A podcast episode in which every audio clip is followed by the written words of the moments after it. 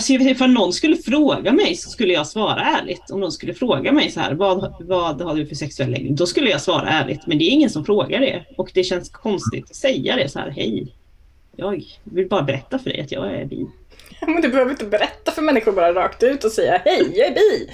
Eh, Nej, Nu- men, alltså, jag gick, gick, kom ju ut i skolan när jag gick i skolan för folk och då var det ju, alltså det var ju länge sedan. Och då var det ju så här, "Ne- nej jag vågar inte vara i samma dusch som henne. Typ. Så det, det kanske var lite traumatiskt.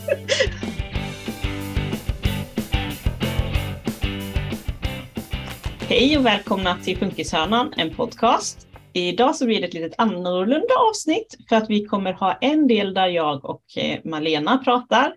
Hej. Hej. Och sen kommer vi ha en gäst, Simon. Och dagens tema är hbtqi i, tillsammans med funktionsnedsättningar. Vi pra kommer prata en liten stund först bara och presentera temat och diskutera lite och sen kommer Simon, vår gäst, komma in och prata lite om sina egna erfarenheter. Mm. Eh, Malena, vill du dela med dig av dina erfarenheter av det här ämnet? Ja, okej. Ehm, jag är pansexuell. Och eh, jag kom ut när jag var 30 till min mamma. Eh, det var väl inte jättekonstigt att komma ut egentligen, men det var, det, det var jobbigt och läskigt. Och jag fick ju olika reaktioner av mamma och pappa. Eh, att vara pan, pansexuell innebär väl att i stora hela att jag inte faller för inom normen ett kön, utan kärleken har inga gränser till skalet i princip. Utan det handlar mer om det där inombords. För mig är det så i alla fall. Det kan ju vara olika för olika, men alltså det är inte ett kön som du faller för, utan ja, Mm. det är väl så jag skulle säga det. Men för mig handlar det om att jag blir kär i en, en själ mer än en, en, ett skal. Sen att jag kan attraheras av en person är ju annorlunda. Det, det ser lite annorlunda ut. Jag är gift med en man, vilket gör att många tror att min sexualitet bara försvinner bort. När, eftersom jag är gift med en man. Men jag är född så här. Jag har alltid varit så här. Det kommer inte vara annorlunda. Utan det är bara så här. Mm. Hur, hur var det för dig? Ja, jag vill bara säga att jag håller med. Jag, känner igen mig, jag håller med. Eh, nej, men jag har ju NPF-diagnoser. Jag har blivit diagnoserad som vuxen och, eh, och också har, sen jag var 12 ungefär har jag identifierat mig som bisexuell. Men sen de här diskussionerna om pansexuell och eh, icke-binär och så vidare har dykt upp så har jag kanske insett att jag lutar mer mot pansexuell, för jag har alltid tänkt så som, Mm. du, så som du beskriver, att eh, kärlek har inget kön för mig. Och Nej. jag kan bli kär i liksom vem som helst och ju mer jag tänker på det så tänker jag ju liksom inte att eh, det måste vara ett av två könen heller nödvändigtvis. Kär i liksom. Det, Eh, kan ju, det kan ju vara bra att veta att jag har ADHD också, att jag också har Ja. NPF. Så att det är därför vi pratar om det här idag. Vi är båda två MPF. Ja. Eh, ja, och eh, det där du berättar om att vara gift med en man, jag är också gift med en man och det är många bisexuella kvinnor är gifta med män just för Mm. att eh, det finns många fler män som letar efter kvinnor än kvinnor som letar efter kvinnor kan man säga. Så statistiskt är det mycket lättare att hitta en man som vill vara tillsammans med en. Eh, men, och då tror folk att då, då var det där bara en fas kanske, det där som man berättade om under tonåren och så eh, är man hetero och så vidare. Mm. Men man slutar ju inte, alltså, ens eh, preferenser ändras ju inte för att man gifter sig skulle jag säga. Nej. Utan utifrån att, utifrån att jag skulle bli eh, attraherad av en person nu skulle det ju fortfarande vara, inte spela någon roll för mig vilket kön den personen har. Men du har, väl, du har ju alltid varit så här. Det är Mm. så jag känner att jag har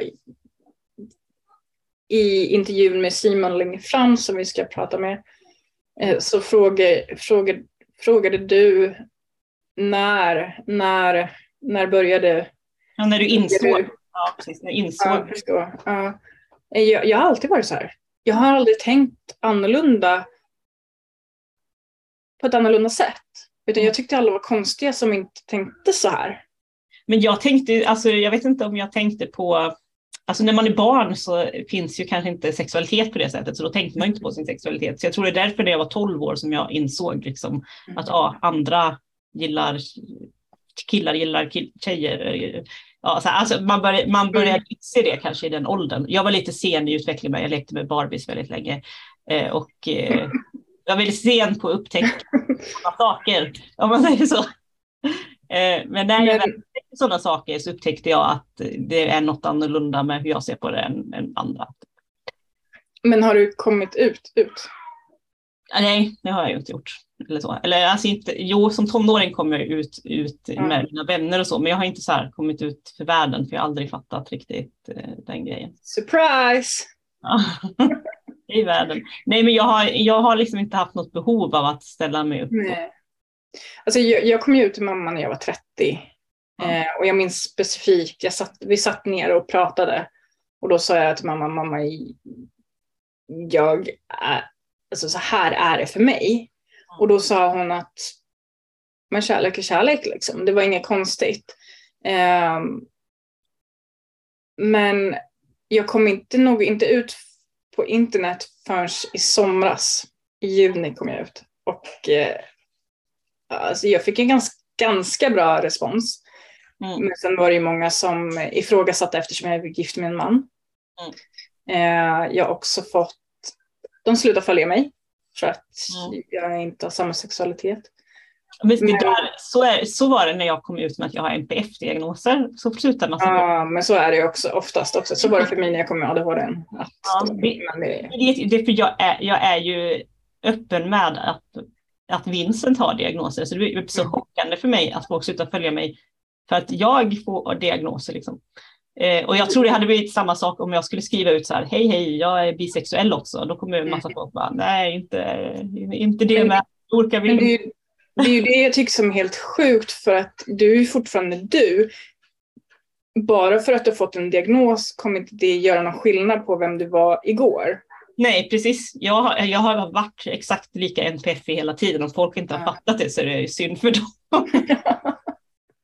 Men alltså det, det ska inte göra någon skillnad och det, det är lite så, vem jag blir kär i ska inte spela någon roll för den som står framför mig heller, men det gör ju det tydligen. Så att, Mm. ja.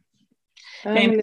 Så funkar ju konstigt nog inte världen. För mig så är det väldigt naturligt att man kan bli kär i vem som helst. Att det, inte, Mm. Det blir väldigt naturligt för mig därför att det är så jag funkar, att könet Mm. har någon betydelse eh, och att du blir kär i en person.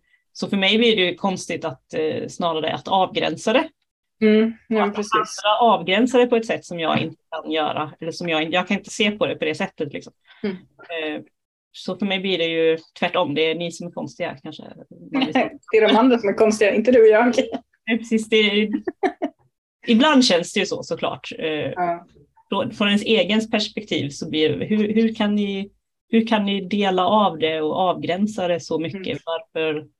Ja. Men alltså, jag, jag får ju höra mycket om barnen då. Alltså, att andra kan säga att de är så rädda för att deras barn ska bli falla för en man eller för en... Alltså, Mm. hur- alltså jag tappar ord just nu. Men alltså, att de ska bli som jag i princip. Eller som du. Eller som en av våra nära vänner som är gift med en kvinna också. Ehm, det är så fel och skevt i mitt huvud att det ska vara så konstigt och fel för att vem bryr sig vem den andra blir kär i? Är det inte, är det inte så att alla ska få älska den de, de vill? För det är så det är för mig i min, mina tankar. Och att om min, mina barn skulle, om mina pojkar skulle bli som jag eller bli homosexuella, det skulle inte störa mig ett dugg. De är fortfarande mina barn. Mm. Men det är så mycket religion och det är Mm. samhällets bilder som gör att det blir... Mm. Jag är ju extremt oreligiös, liksom, jag personligen. Jag är Jag vet. inte, inne på det alls. Nej, jag är spirituell och eh, tror på någonting. Jag skulle kalla det agnostiker, kanske det heter. Mm. Men, eh, Agnostiker är. man tror på någonting, man vet inte riktigt vad det är. Okej. Så, men du och jag har faktiskt läst på lite. Ja, vi funderade på lite det här med hbtqi plus och funktionsnedsättningar, den här kombinationen. Ja, Eh, för det är ett ganska ett sånt eh, perspektiv som jag, jag känner att man ofta glömmer bort det. Vad känner du? ja, ja alltså, men jag hör ganska mycket om det. Jag eh, är ute på sociala medier som inte är svenska oftast. Ja, Eh, där pratar man mycket mer om det än i Sverige. Mm, jo men det har jag också märkt, framförallt på TikTok då. Ja, När jag TikTok. började hänga på TikTok så har jag lärt mig jättemycket mer. Ja, Jag tror det är mycket för att jag följer folk på TikTok som inte är från eh, Sverige då. nej, exakt. Och jag känner att de är mycket mer framåt i sånt här än vad vi i Sverige är. Mm. Och då pratar man också om, om hbtq plus hbtqi plus gemenskapen. Förlåt, jag har svårt att säga det ordet. Det liksom, ta stopp. Vi är gamla, det hette bara hbtq när vi Ja, började läsa. men jag, men jag är en del av plusset så jag borde ju lära mig, men det gör jag inte. jag är ledsen. Ehm, men då pratar de ju också om risken med självmord och MPF i kombination och det tycker jag är väldigt intressant Mm. när vi har läst om. Ska jag läsa vad det står? Gör det.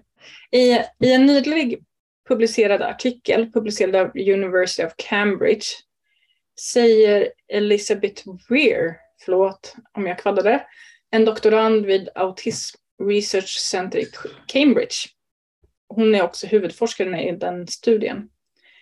Hos autistiska individer som är asexuella, bisexuella, homosexuella eller annan sexualitet det är särskilt viktigt att vårdgivare och utbildare använder ett språk som bekräftar och accepterar alla sexuella läggningar och könsidentiteter när det tillhandahåller sexual, sexualundervisning och screening av sexuell hälsa till både autistiska och icke-autistiska personer. Alltså de har ju fokuserat på autistiska personer då, Mm. men också eh, MPF Mm i sig. Och då säger de också att en växande identifiering av neuropsykiatriska personer i hbtqi plus gemenskapen gör det till ett viktigt ämne för vårt samhälle att utforska. På grund av det stigma samhället belastar dem med har hbtq-ungdomar mer än fyra gånger så stor risk att försöka begå självmord än sina jämnåriga. Vi kan och måste göra, göra bättre för att lyfta dem som är marginaliserade i sina egna samhällen. Och medvetenhet är det första steget mot ökad inkludering och utbrett stöd. Mm. Ja, Mm. man är ju marginaliserad på flera sätt då. Det är det som är intersektionaliteten i det hela. Exakt. Att om, om man dels har en diagnos och sen är har man också något annat och då kan det ju intersektionalitet, det kan ju ha med rasism att göra Mm. och, och sen Mm, hbtq-frågor att göra. Eh, och då blir, då blir man liksom, vad ska man säga, man blir inte bara dubbelt disk- diskriminerad, det är ju nästan som att det multipliceras med varandra ju fler grupper man tillhör. Mm. Eh, Men jag läste någonting i det här som jag tyckte var väldigt intressant och det kommer vi till nu. Mm. Forskning om personer med neuropsykiatrisk funktionsnedsättning inom hbtqia+. Gemenskapen har ökat ganska markant under de senaste åren och gett oss ganska ögonöppnande resultat. Studien hänvisar till, som, vi, som hänvisas, som vi pratar om nu, i univers, från University of Cam- Cambridge där de fann också att autistiska vuxna, det är inte bara autistiska vu- vuxna som de pratar om utan de pratar också om neurodivergent people. Eh, autistiska vuxna ungdomar är ungefär åtta gånger mer benägna att identifiera sig som asexuell och annan sexualitet än sina icke-autistiska jämnåriga. Och det fanns, eh, och det fanns könsskillnader i sexuell läggning.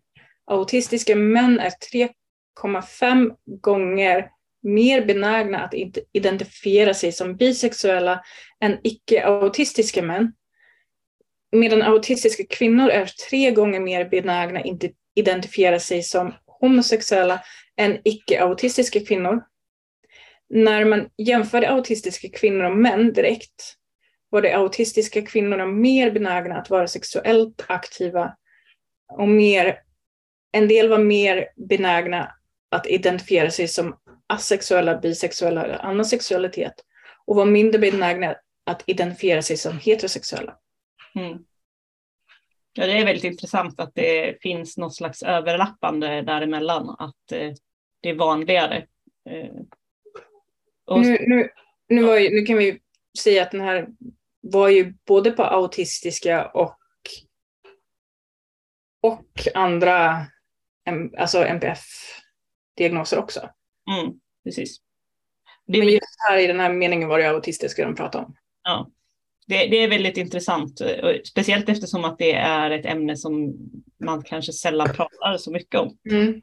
Eh, och ofta så, just autistiska personer brukar ju bli, vad ska man säga, eh, man brukar ofta se dem som så här eh, oskyldiga småbarn och avsexuera mm. dem helt. Så jag tror att mm. Väldigt vanligt att inte vilja prata sexualitet när det gäller autistiska personer. Jag tror det också. Även med, inom ADHD-gemenskapen också. Jag tror mm. att man, eh, man pratar inte om det på samma sätt. För att, ja, det är inte, jag är ledsen att det låter i bakgrunden hos mig just nu. Lugnt. ja, men, äh, rent generellt inom äh, MPF är det väl så. Alltså alla funktionsnedsättningar tror jag. Jag tror det är obehagligt att tänka på en person med, med funktionsnedsättning sen plus mm. många. Jag tror det också. Många som pratar om funktionsnedsättningar är ju också föräldrar. Eh, och då ska man prata om sexualitet plus ba sitt barn. Det är svårt att tänka sig in i, så då tror jag det blir lite så här nej, det är ett ämne som man kanske inte riktigt berör då. Det finns mycket tips. UR har också en del bra. Mm. Um, det finns mycket böcker. Sök på barn och sexualitet så får man mycket tips. RFSL har mycket bra tips också. Mm. Och en bra grej nu för tiden är ju faktiskt att många barnböcker så blandar man fritt med, med ja. hur familjernas ja. uppbyggnader och så är. Eh, och det märker man om man köper nyare böcker versus om man köper äldre böcker. Mm, det, är, det är ganska stor skillnad på eh, representation, skulle jag säga. Det, det jag också tyckte var intressant var det här att detta fenomen finns också för andra neuropsykiatriska funktionsnedsättningar. Även om ytterligare forskning behövs finns det väl stöd som tyder på att individer med ADHD kan vara mer benägna att ifrågasätta sitt kön. Mm. Eh, och då var det Psych Central som delade en studie från 2014, nu är det ganska länge sedan, men ändå, om könsvarians som indikerar att personer med ADHD var 6,64 gånger mer benägna att uttrycka könsvariationer, vilket kan få dem att ifrågasätta sin könsidentitet eller uppleva könsdysmorfi. Mm. Det var ett svårt ord att säga. ja. Men jag tänker att vi kanske länkar de här länkarna som vi ja. Tagit vår information ifrån eh, i, eh, på Youtube. Mm. Och jätteintressant om det är någon som har egna erfarenheter också. Mm. Att eh, skriva en kommentar eller skicka ett meddelande till oss hade varit jätteintressant. Jag är nyfiken om det finns någon som har upplevt diskriminering i och med sin sexuella läggning och har MPF. För att det skulle vara intressant att diskutera. Mm. Mm. Det hade varit intressant. Eh, mm. Ett intressant ämne faktiskt. Eh, och hur det är att uppleva lite den här dubbla diskrimineringen kanske. Mm. Eh, ja det är sånt som du och jag kanske inte får uppleva på samma sätt eftersom vi är gifta med män. Precis, man kan ju flyga under radarn mm. ganska mycket. Det är mer att det man upplever mer är ju det här ifrågasättandet. Eh, mm. Och samma sak när man har en NPF-diagnos eh, som inte syns så mycket utåt mm. så är det också ifrågasättande. Så det blir lite mycket jag, jag, tror att det vi upplever mer handlar om ifrågasättande. Eh, är du verkligen så? Är du bara en person som hittar på allting och så vidare? Eh, vill du, bara du är gift med en man. Ja, du vill bara ha uppmärksamhet. För det var en till sak med dig nu. Liksom. Eh. Så är det ju inte alls, utan jag, jag är så här, jag är född så här, både här uppe och här i hjärtat. Det, det kommer inte ändras, men eh, jag önskar ju att samhället kunde förstå bättre. Mm. Det, det, enda som kan ändras det är ju att man döljer det, alltså att man maskar, att man inte berättar, vågar berätta vem man är. Så det är det enda mm. som kan ändras. Folk kanske tror att de kan påverka en och ändra ens en sexuella läggning eller hur man är. Mm. Det, det, som händer. det som händer är att man, man maskar, man är inte sig själv. Det är det som händer. Eh, och det är extremt ansträngande, så jag skulle verkligen inte rekommendera att man uppfostrar sina barn på det sättet. För det är, alltså, att, att maskera vem man är, det är en konstant stress som man har med sig, så man mår ju inte bra. Det är inte bara en stress, det är en väldigt trötthet efteråt också. Att mm. alltid maska. Mm. Um, jag vet att jag maskerade större delen av mitt liv. Nu med rätt människor mår jag bra och då maskar jag inte. Precis. Jag antar att du gör samma sak. Jag maskar jättemycket fortfarande med alla. Jag, det var så kort tid sedan jag fick mina diagnoser och jag är en expert på det där tror jag. Nej, men det är jag inte. Jag är jättedålig på det egentligen. Folk märker ju ändå. Jag får fråga, har fått frågan jättemånga gånger under mitt liv. Har du någon diagnos? Så det kanske, men jag, jag, jag vet inte, det är, det är svårt att sluta. Men eh, ett otränat öga kommer inte se det. Nej. Jag tror att vi, vi själva som bär en NPF-diagnos ser varandra mycket lättare än Absolut. en person utan. Och jag kan också känna att jag känner mig tryggare hos en person som har NPF än en person som inte har NPF. Mm. Rent allmänt. Ja. Um, och det är, det är tråkigt för att det hade varit skönt om de normtypiska njur... Vad kallar man dem? Uh, de neurotypiska. Neurotypiska. Neurotypiska, inte normala i alla fall. det är ordet. Nej, neurotypisk är man om man mm. inte har någon, då har man ingen NPF-diagnos men man har inte något så här bipolärt eller något heller tror jag. Nej, man är neurotypisk. Precis. Det hade ju varit skönt om du kunde möta oss på mitten i alla mm. fall. Men jag kan säga att det var ganska befriande att komma ut på internet också. Jag gjorde en TikTok jag, jag skrev en liten post på, på Instagram eh, under Pride-månaden under eh, juni i år. Och jag eh, skrev att älska, älska dig själv, älska andra och eh, vad det innebär mm. för mig. På min andra så gjorde en TikTok och la upp och berättade att när jag berättar för min mamma att kärlek är kärlek, att jag börjar läka en del av mig själv, att trycka ner och maska vem du är hela tiden. Att om jag blir verkligen kär i en kille och jag verkligen var så, det var jag ju inte. Det var ju inte min första, första crush på en mm. kändis, det var ju Anne Hathaway. Men det mm. kunde inte jag säga rakt ut. Det finns, det finns en reel och en TikTok om det också. Mm. Och jag blev kär i en man sen. Men det var skönt att kunna läka ut det såret, att låtsas vara någon du är när du inte är det. Mm. det ja, det alltså, kändes alltså, jag, jag, känner inte jag har kommit dit än, utan jag känner att eh, det blir ju som en instinkt som man har. Det blir liksom som en second nature att mm. inte vara sig själv nästan. Mm. Ja. Men så, ja, det, det är jätteviktigt att, för ens eget psyke att kunna börja jobba på det.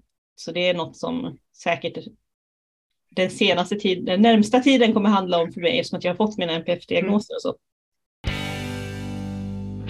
Hej och välkommen till Funkishörnan. Vad kul att du ville vara här.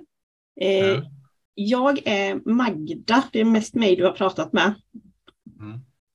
Och jag heter Malena. Ja.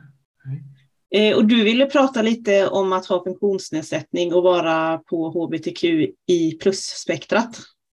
Mm. Mm. skulle du vilja berätta lite om dig själv med dina egna ord? Ja, jag heter, jag Simon. Jag är, jag är 35 och jag är fyllfylld. Jag har ADD och intellektuell funktionsnedsättning. Jag jobbar på en daglig verksamhet här i Stockholm. Vad, vad jobbar du med på daglig verksamhet? Då? Vi har en egen tidning bland annat som heter Kunskbladet. Som är med och skriver till lite, lite saker. Mm. Vad brukar ni skriva där? Ja, ja nu har vi gjort, har precis gjort ett, num, ett specialnummer om, om, om valet här och, och lite annat. Jag ska skriva om lite olika saker. Så, så. Härligt. Eh, hur skulle du säga att dina diagnoser du har påverkar din vardag? Eh, in, in, inte, inte så mycket. Det tar lite längre tid att läsa vissa saker. Koncentration, lite koncentrationssvårigheter.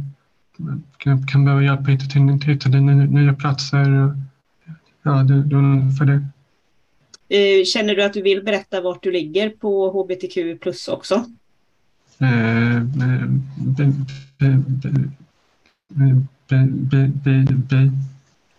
vill du berätta mer om det och hur, det och hur du känner det påverkar dig i sammanhanget? Nej, inte, inte så mycket. För i hbtq-sammanhang och så, så känner du dig lika, lika accepterad som de som inte skulle ha funktionsnedsättningar? Eh, ja. Och, och det, det, är inget som jag ens, än så länge varit så, så, så, så, särskilt öppen med heller. Mm. Jag kom, ut, jag kom ut i augusti för hela internet. Jag har varit öppen hela, alltså jag var öppen för min familj. Mm. Men jag kom ut som pansexuell för, ja, för internet och mina följare. Mm. Då får man oftast blandad alltså, känsla av vad olika människor tycker. Ja. Hur har din familj tagit att... Har det kommit ut till din familj att du är Ja. på det regnbågsspektrat? Eh, ja, ja, det var men det var bara bra. Vad härligt. För det kan vara svårt också. Ja, det kan vara lite blandat. Ja. Ja, jag har nog aldrig kommit ut så här. Alltså, jag har nog aldrig ställt mig framför folk och bara Hej, jag heter Magda och jag är bisexuell. Jag, vet, jag tycker Ja, det, känns, det är inget som jag gör liksom. Nej. Jag gjorde, jag gjorde en TikTok eh, och den råkade gå viralt. Så att eh, det, det är drygt 20 000 i Sverige som vet att jag har kommit ut. Och sen Mm. ännu mer på Instagram. Så det, ja. Skulle du våga komma ut Magda? Alltså, jag vet, ifall någon skulle fråga mig så skulle jag svara ärligt. Om någon skulle fråga mig så här, vad, vad har du för sexuell läggning? Då skulle jag svara ärligt. Men det är ingen som frågar det. Och det känns konstigt att säga det så här, hej. Jag vill bara berätta för dig att jag är bi. Men du behöver inte berätta för människor bara rakt ut och säga hej, jag är bi. Eh, Nej, Nu- alltså, jag gick, gick, kom ju ut i skolan när jag gick i skolan för folk och då var det ju, alltså det var ju länge sedan. Och då var det ju så här, "Ne- nej jag vågar inte vara i samma dusch som henne. Typ. Så det, det kanske var lite traumatiskt. jag förstår det. Men hur känner du Simon? Känner du att du har mött någon sån, några sådana fördomar eller diskriminering? Eller? Nej, inte, inte, inte, inte, inte än så länge. Nej. Vad Nej, skönt. nej, jag tror inte. Alltså, jag vet inte, nu när jag är gift med en man så känner jag liksom också att eh, då blir det så här, nej det kan du inte vara. Nej, exakt. Det är de fördomarna jag mö- möter mest för att jag är gift med en man. Ja, Typ som att det skulle förändras för att man har gift sig med någon. Nej. ja, Jag är född så här. Kan inte göra Ja. någonting åt det. Tyvärr. Var det något speciellt du kände att du ville ta upp Simon? Nej, men jag, jag, jag, jag, jag, jag tycker lite att, att, att, eh, att hbtq-spektrat kan det uppmärksammas inte, inte så mycket inom den, den målgruppen, ty, ty, tycker jag. Mm. Så det pr- pratas inte så mycket, om, eh, om hbtq-spektrat inom, inom funktionsrörelsen, ty, ty, tycker jag. Nej. Jag håller med. Eh, eh, Säg om det är någon, eh, någon, någon funkisperson som skulle vilja ja, eh, byta kön så är det, är inte lika lätt för en som in, in, inte är det till, till exempel. Mm. Ja, det stämmer. Ja, det, så, så det, det borde inte vara det tycker jag. Till exempel. Mm. Mm. Pratet är inte, inte, inte så lika mycket som sånt jämfört med utanför den här målgruppen. Alltså det blir lite tab- mer tabubelagt Ja, när det kommer till funktionsnedsättningar och vara på hbtqi plus spektrat. Än Jo. det är att bara vara hbtqi plus liksom. ja det känns, känns, känns lite fel. För, Mm. Varför tror ni att det är så? Kan det ha med att det har med sexualitet och personer med funktionsnedsättningar att göra? Mm. ja, ja det, det, det tror jag. För då måste man ju, eh, då måste man ju tänka på att det finns en sexualitet utifrån att man ska tänka på att man kan vara bisexuell eller homosexuell så vidare. Ja, Och det vill man ju inte. Nej. nej. Det är Man därför ju- det är ja. tabubelagt. Det, jag, jag tänker att man ofta tänker på personer med funktionsnedsättningar lite som nästan som barn så här. Att man ser Ja. att de är liksom Alltså det, det hör jag definitivt om autism och det, tycker, det stämmer ju liksom inte att man skulle på något sätt vara som ett barn bara för att man har en autismdiagnos. Mm. Och det kanske ni också känner. Ja, det är ungefär som att jag, har hört att det många som sitter, i rullstol tycker att de blir lite ne- ne- ne- ne- ne- nedtryckta, liksom, att de, att de behandlas som mindre än vad de är. Alltså, alltså Mm. klappa på huvudet med, ja, vad du behandla dem som, som, typ som, var lite som ett barn, liksom, klappa med, ja, vad, vad, vad, vad duktigt att du kunde, kunde, kunde nå, nå den där koppen, typ. Mm. Det var bra att du kunde ta, bra att du kunde ta in det. här. Mm. Precis, och då kanske inte folk, eh, för att man vill se dem som så här oskyldiga eller om man vill se det Ja. som ett oskyldigt, en mindre person, då Ja. kanske man inte vill tänka Ja. på sexualitet. Nej, Just. precis så. Fast Simon, hur gammal var du när du insåg att du inte var heterosexuell? Ja, det var för ett, eh, två, två år sedan kanske. Så det var, ja. Jag tror jag insåg det när jag var typ 12 faktiskt. Ja. Vad tror du Malena? Jag har nog alltid vetat. Mm. Ja. Det har liksom inte varit, jag har inte sett på kärlek på samma sätt som andra gör. När man är pansexuell så är det ju liksom inte att man är kär i ett kön utan, och inte bara två kön, utan det är hela spektrat. Att man ser Ja. inte som kön som kön, utan jag blir kär i en själ. Jag blir inte kär i en, en, en, en, person, en person med, med könet, typ. Exakt, jag blir kär i en själ inuti Ja. mig. Liksom. Personligheten, själ, kalla vad du vill, men det är det jag Mm. blir kär i. Och Mm. Sen har det väl lite svårare att prata om attraktion, för det attraktion är ju, kan ju vara annorlunda. För mig Ja, är, jag- är jag pansexuell när det gäller, när det gäller kärlek. Alltså. Det är så jag ser kärlek, att man faller för en personlighet eller en själ. Så ser jag också på det. Men, men jag kallar mig för bisexuell därför att pansexuell var liksom inte ett begrepp när jag gick i eh, Nej, det var det inte när jag var heller. mellan högstadiet och så. Så det är konstigt för mig att säga det. Eller alltså det är konstigt för mig att byta identitet. Liksom. Men jag kunde, inte, jag kunde inte säga att jag var bisexuell för det var två kön.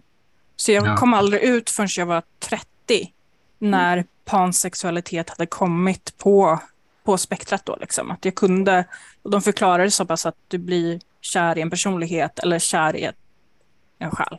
Mm. Det, Mm. det är precis så jag känner. Och jag har Det är alltid så jag har, det. alltså det är så konstigt, för det är alltid så jag har beskrivit att vara bisexuell nämligen. Och sen så, ja, sen, sen har, i efterhand har jag fattat att det inte är så för alla som är bi och det är därför det behövs pan också. Men det är alltid så jag har beskrivit det att vara bisexuell. Liksom att, Mm. Nej, men du blir ju inte kär i ett kön utan du blir ju kär i personen.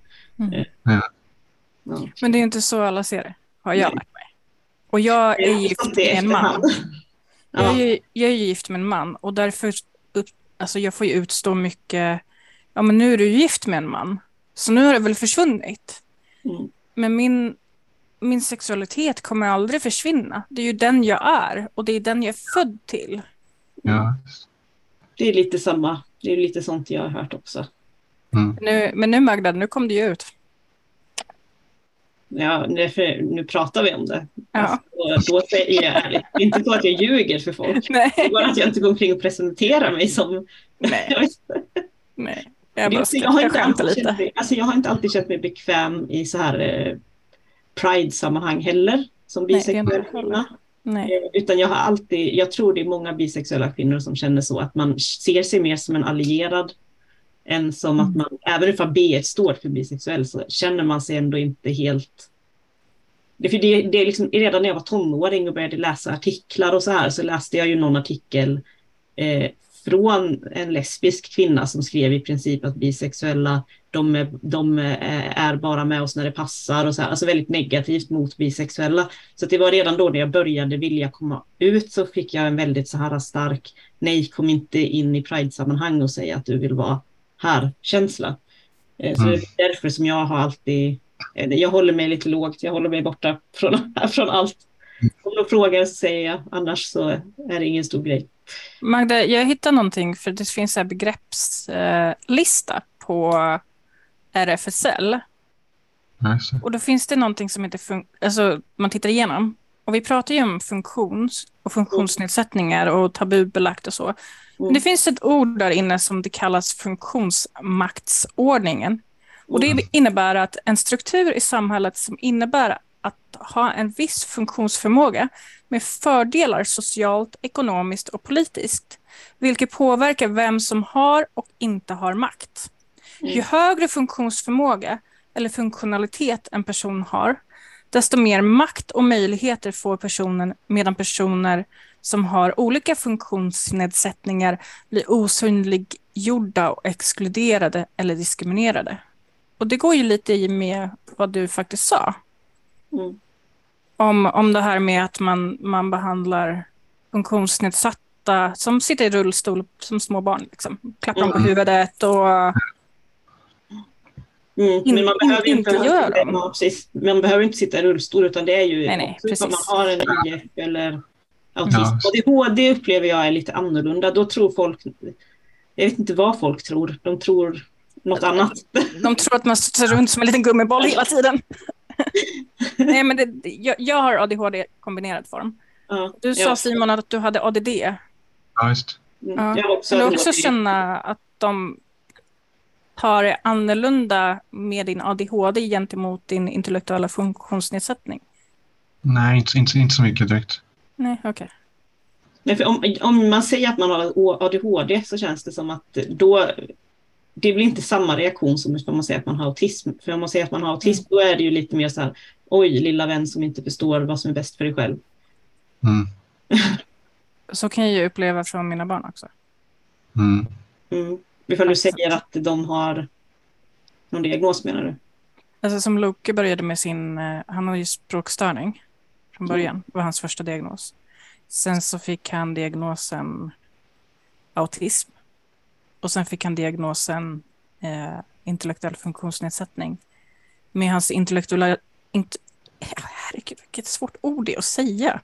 Hans IF, så fick han, Mm. blev han bemött på ett helt annat sätt än han blev med sin språkstörning. Att ett språkstörning, Mm. ja men det är lugnt, det löser sig Mm, är det. hans IF så blir han behandlad på ett sätt som jag tycker inte är okej. Mm. Utan att vi då är det fick blir det som... IF-diagnosen, nej men när vi fick IF-diagnosen var det en helt annan grej än när vi har fått andra diagnoser. För när Mm, vi fick. CP-diagnosen så var det lite så här, det är en CP-diagnos. Den fick språkstörning diagnos så var också lite så, det är, ja ja, det är en diagnos, ja, det löser sig. Men när vi fick IF-diagnosen, då var det som att här kommer krissamtalen. Mm, Titta, här har ni Mm. en, en liten bok om vad det här betyder och det är stackars er och liksom nu, nu räknar vi med att ni ska bli förtvivlade. Och där satt vi och Mm. bara så här, eh, va, va, vad händer? Skulle vi bli förtvivlade? Så det spelar ju liksom ingen roll. IF är lika, lika mycket det är en diagnos som en ADHD-diagnos, som en Ja. språkstörning. Det. Ja, det är bara ett sätt att fungera. Mm. ja, Eller hur Simon? ja, absolut. Så jag tror att man gör mycket, mycket mer väsen om det än det behöver vara. Ja. Hur, hur gör du för att hålla fokus? Det är en svår fråga, jag förstår det. Men Det fun- funkar oftast bra. Om, om, om det är mi- mindre grupper så fun- fun- funkar funkar oftast bra till exempel. Det är kanske är därför jag har kombinerad form, för jag kan inte hålla fokus. Nej, jag har min Jag kan inte alls hålla fokus. Detta är, detta är min fokussten. Jag har, tapp, jag har tappat alla mina fokussaker just nu, så att jag bara sitter så här. Ja, ja. Ja.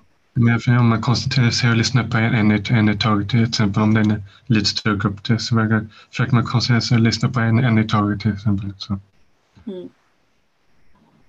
Hade du den ordlistan förresten, Malena? Då, ja, kan, jag har den här bredvid. då kan du kolla vad skillnaden var på pansexuell och bisexuell. Kan du läsa? Eh, vi börjar bisexuell då. Mm. En person som blir kär i ett i och eller attraherad av människor oavsett kön eller av fler än ett kön. Mm. Mm, jag är på väg ner till pansexuell. Det står i Det, bokstavsordning. det, det är ju så- samma sak fast li- lite till kan man säga. Och pansexuell. En person som blir kär i och eller attraherad av människor av alla kön. Eller som Mm. blir kär i och eller attraherad av människor oavsett kön. Så jag tyckte det låter så likt. I mitt huvud Det är det sak. så likt. Men det är Men, alla eh, kön, alltså då, då kanske man... Det är att man inkluderar icke-binära va? Mm. Mm. Ja. Det kan vara så att jag egentligen är pansexuell, bara att jag inte... Jag klarar inte av att kalla det för det för att jag... Nej, du kallar inte det vad du vill. Identitet. Det är helt okej, Ja. du kan kalla vad du vill. Ja. Vi jobbar mycket med pronomen hemma. Och Ja. eh, min, eh, min yngsta son, han eh, har svårt att sätta pronom, rätt pronomen på rätt personer. Och han kallar sig för, hans pronomen är katt just nu. Så han är katt. Vin, Vincent funkar ju så att, att han förstår ju inte pronomen än. Nej, Vilket Om man säger pronomen så blir han jätteförvirrad så man måste säga namnet. Mm. Eh, Så Vincents pronomen är ju Vincent. det, För att ifall vi säger så här, han eller någonting, det, det, eller han eller du och så vidare, det funkar ju inte utan vi måste alltid säga namnet. Så det blir, jag brukar säga att Vincents pronomen är Vincent. Mm. Jag, ty, jag, jag tycker det är bra. Ja. Visste ni att eh, ordet regnbå, regnbågsfamilj inkluderar bland annat barnfamiljer, bonusfamiljer och valda familjer? Mhm. Jaha, under- är vi en regnbågsfamilj då? Regnbågsfamilj är en familj där en eller flera av personerna är hbtqi plus personer. Ja. Så du är en regnbågsfamilj och jag är tydligen en regnbågsfamilj också. Mm. Hade ingen aning om det. Jag trodde det bara var Jag, tänkte att, jag tror jag tänkte att då måste man leva... med en annan man. Ja, precis. Eller en annan kvinna. Så, ja, men det kanske är så fördomarna som talar då. Mm. Nej, det behöver inte vara så enligt RFSL i alla fall. Hur, hur Simon är det med förhållanden och så när man bor i serviceboende? Är det något som är lite jobbigt eller brukar det gå bra att förklara? ja, det går, går oftast bra. Mm. Det går bra att förklara, det kommer någon hit en, en, varje dag och hjälper till lite och det är lugnt eller? Ja, och man kan sä- sä- säga ifrån om, om, om, om, om, om jag vill att de, att, att de tillfället vill att de in, inte ska komma också. Mm, just det. Så ifall du har en pojkvän eller flickvän hemma så kan ni få vara i fred om du vill. Ja, Vad skönt att kunna få välja på det sättet också. Och inte att det bara är att du måste. ja, Så få lite frihet också. ja absolut. Vill du säga någonting till föräldrar till barn som har IF eller ADHD som lyssnar? Om du har någonting som du skulle vilja säga om du tänker på dina egna föräldrar eller så om sexualitet eller sexuell läggning. Alla, alla, alla ska, ska att, eh, nej, men att o- oavsett di- di- diagnos så ska man än- ändå kunna eh, eh, tycka om eh, och vara så, så, så, den, den man är. Tycka om vem man, vem man vill och bara det, det, så, så, så, den, den, den, den, den, den, den som man vill. Så den, bara, och vara den, den man vill.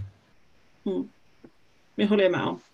Man ska Mm. få vara attraherad av eller man kanske ska acceptera sina barn att de är attraherade av personer och vem de Ja. är. Mm. Mm. Och, så, så, och, så, så, så, och för den, den, den, den de vill, vill vara.